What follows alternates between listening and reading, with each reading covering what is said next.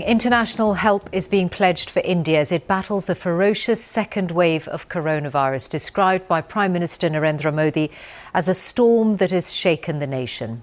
Almost 350,000 new infections were recorded in, in India in the latest 24 hour period, and 2,767 people have died. But experts say the actual numbers are likely to be much higher. As the epidemic continues to grow, hospitals are under intense pressure with shortages of beds and critical supplies, including oxygen. In the capital, Delhi, COVID is now killing one person every four minutes.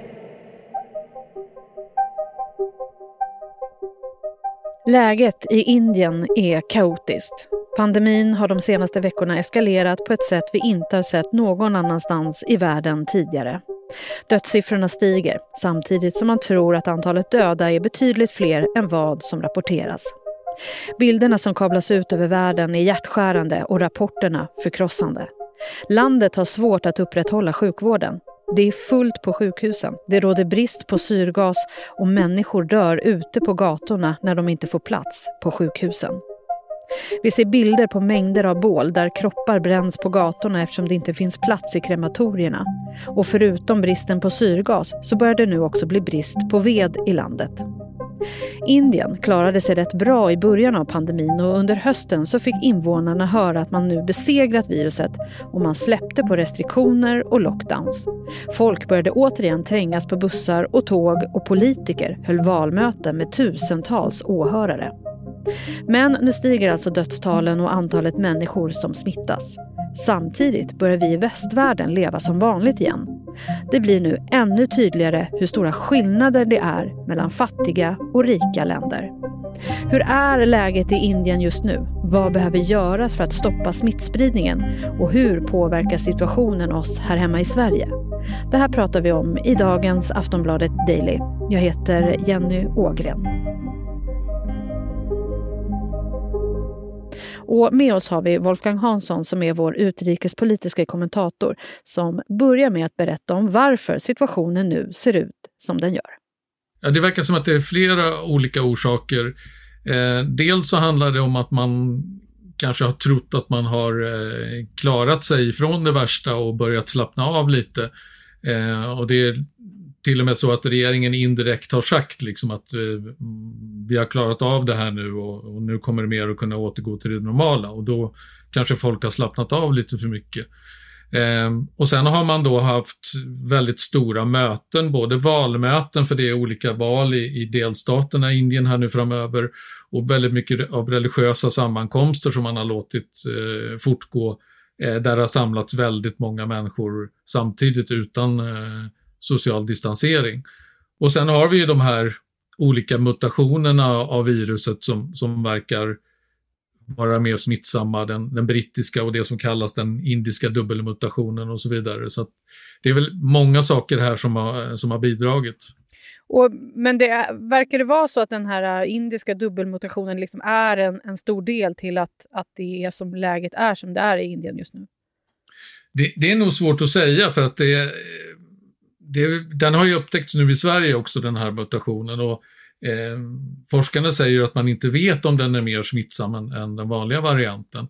Eh, och den brittiska varianten som, vi har, som nu är den dominerande i Sverige, den verkar ju då vara något mer smittsam. Så att om den har kommit till Indien till exempel så kan ju det vara en orsak också till att eh, eh smittspridningen går, plötsligt går snabbare än vad den verkade göra tidigare.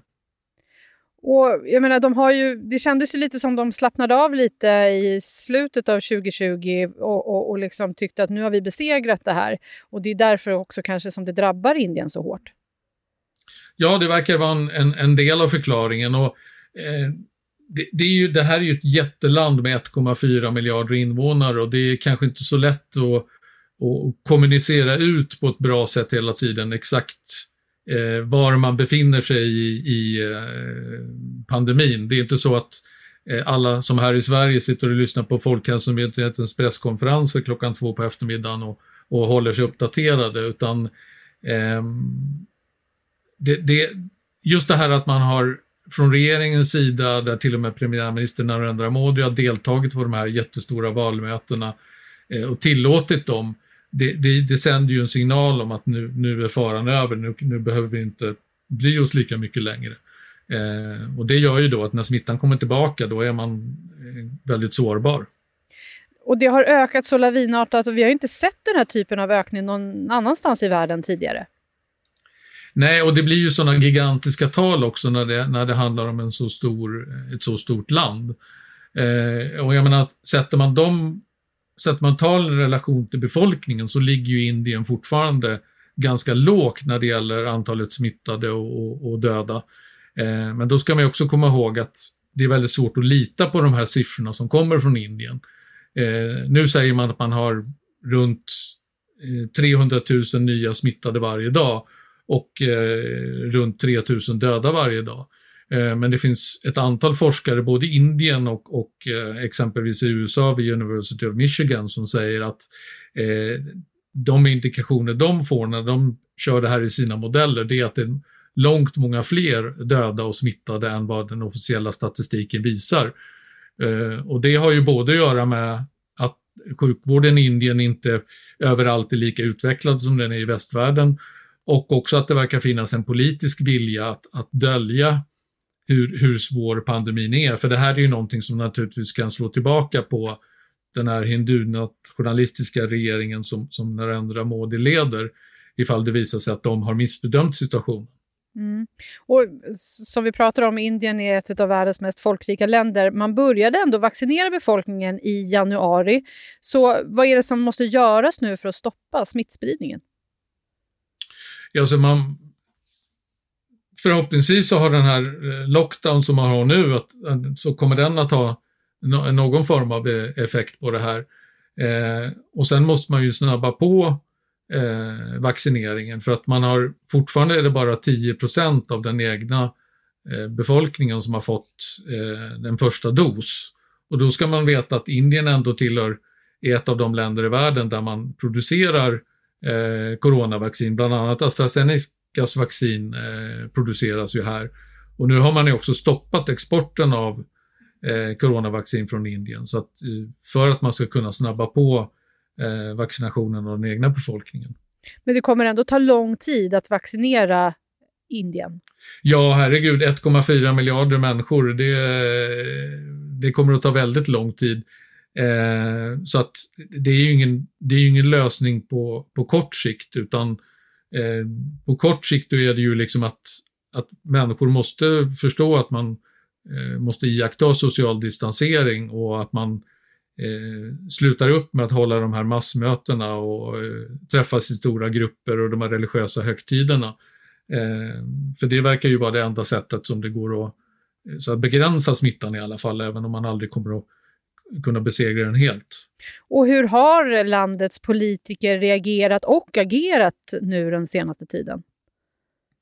Ja, nu har de ju börjat agera igen, för tidigare så var det som sagt eh, verkade de skicka signalen att det värsta var över och Indien har klarat det här och så vidare. Eh, och nu har man då eh, återigen infört eh, lockdown i ett antal eh, delstater och stora städer som Mumbai och, och New Delhi. Eh, där man då tvingar folk att hålla sig, hålla sig hemma.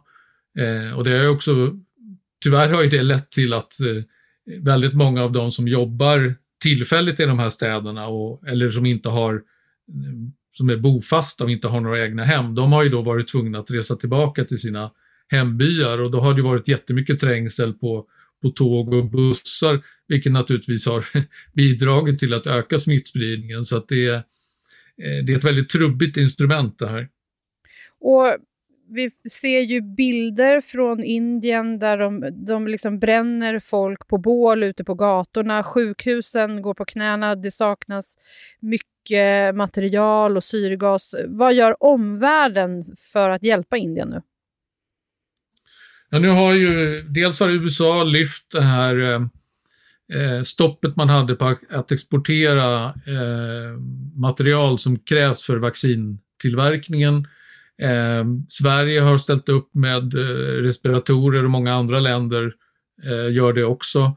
Eh, Indien har egentligen en, en väldigt stor tillverkning av syrgas. Så att det handlar ju om, för Indien handlar det om att eh, så att säga eh, skifta den användningen från det man använder det till idag till att mera ska gå till, eh, till sjukvården. Eh, för att man på så sätt ska kunna vårda fler människor. För situationen idag verkar ju vara fruktansvärd där folk mer eller mindre dör på gatorna därför att det inte finns plats på sjukhusen eller att det inte finns eh, syrgas tillräckligt. Men världen är igång och försöker hjälpa till, men, men Indien har väldigt stora resurser. Det är ju ett land som, som samtidigt som det naturligtvis är fattigt på många sätt, så är det också ett, ett högteknologiskt utvecklat land. Så att eh, man borde kunna klara det här bättre på egen hand än vad man har gjort hittills. Det blir också oerhört tydligt vilka enorma skillnader som det faktiskt finns mellan fattiga och rika när vi ser de här bilderna från bland annat Indien. Ja, alltså vi, vi ser ju, om man tänker på hur, hur när den här pandemin bröt ut eh, för ett drygt år sedan, då målades det ju upp bilder av hur sjukvården skulle kunna kollapsa här i, i, i Sverige och i Västeuropa när viruset kom hit. Eh, de, I Europa så lyckades man ju eh, undvika det scenariot i väldigt stor utsträckning därför att man hade en sjukvård som klarade av att skala upp det här med respiratorer och eh, syrgas och annat. Men i ett, i ett land som Indien då är det uppenbart att man inte klarar av, dels är sjukvården eh, svag och bräcklig från början och man klarar inte av att skala upp den så, så mycket som man hade behövt. Och, och det vi ser nu det är ju den, den mardrömsvision som man hade för pandemin eh, när den började. Den, det är ju den vi ser utspela sig nu i, i Indien där eh, sjukvården kollapsar helt enkelt under trycket av alla smittade som behöver vård samtidigt. Hur mycket skulle du säga att det här påverkar oss här hemma i Sverige? Det påverkar oss ganska mycket på, på, på, på ett antal olika sätt. Eh, för att det är ju så att liksom, nu när vi försöker vaccinera vår befolkning här, då ger ju det oss ett skydd här i Sverige. Men om vi ska återgå till något slags normalläge där vi ska kunna resa runt i världen eh, och träffas eh, överallt och, och, ha semester och affärsresor och så vidare, så kräver det ju att hela världen är eh, vaccinerad. Och ju längre tid det tar för sådana här länder som Indien då att vaccinera sin befolkning, desto mer säger experterna att det här viruset kommer att mutera och desto större är risken då att det blir eh, att det kommer mutationer som vaccinerna inte biter på. Och nu säger man ju från eh, framförallt Pfizer och, och Moderna då, som är de här mest, de två mest avancerade vaccinerna, att de, de kan modifiera sina vacciner för att klara nya mutationer. Så att på sikt kanske man kan komma till rätta med det, men det, det riskerar ju uppstå situationer där folk som har blivit vaccinerade då ändå inte har det skydd man normalt sett skulle ha. Och så är det så här, här hemma går vi ju bara och väntar på att vi ska få vårt vaccin och det kommer ju de flesta i Sverige kunna ha, få inom några månader bara. Och vi har ju tidigare pratat om Covax i Daily, det samarbete som finns för att få ut vaccin till utvecklingsländerna. Hur går det med det? Det går trögt. Eh, jag menar, det är många länder som säger att de satsar pengar och eh, och bidrar med pengar men det, det svåra är att få fram tillräckligt mycket vaccin tillräckligt snabbt eh, till alla de här länderna som, där många har ju fortfarande inte ens börjat eh, vaccinera. Och det här blir ju då en väldigt, väldigt stor ojämlikhet i världen eh, som dels är medicinskt farlig men som också naturligtvis sticker i ögonen när, när den rika världen plötsligt, jag menar häromdagen, jag såg bilder från eh, Central Park och andra ställen i New York där man kunde, man man hade öppnat upp samhället igen, man samlades ute och så vidare. Eh, medan då i Indien så, så bränner man sina döda på bål. Liksom det, eh, det är också en, en ojämlikhet som, som eh, eh sår splittring i världen. Vad kommer hända nu den närmaste tiden för Indien? Ja, det gäller ju att man får ner smittan. För att man, om man nu har 350 000 smitt, nya smittade varje dag och det fortsätter öka, då kommer ju några veckor senare så kommer ju också patienterna som behöver sjukhusvård att öka. Eh, och det kommer ju sätta ännu mera press på Indien och om man inte klarar av det här redan nu så kommer ju läget att bli ännu värre. Men lyckas man få ner smittan samtidigt som man får lite hjälp utifrån då med respiratorer och syrgas så kanske man kan komma tillbaks till ett läge där man åtminstone kan ge vård till de som blir sjuka. Sist här hörde vi Wolfgang Hansson som är utrikespolitisk kommentator hos oss på Aftonbladet. Jag heter Jenny Ågren och du har lyssnat på Aftonbladet Daily. Du får gärna följa oss i din poddspelare så missar du inga avsnitt. Vi hörs snart igen. Hej då! Du har lyssnat på en podcast från Aftonbladet. Ansvarig utgivare är Lena K Samuelsson.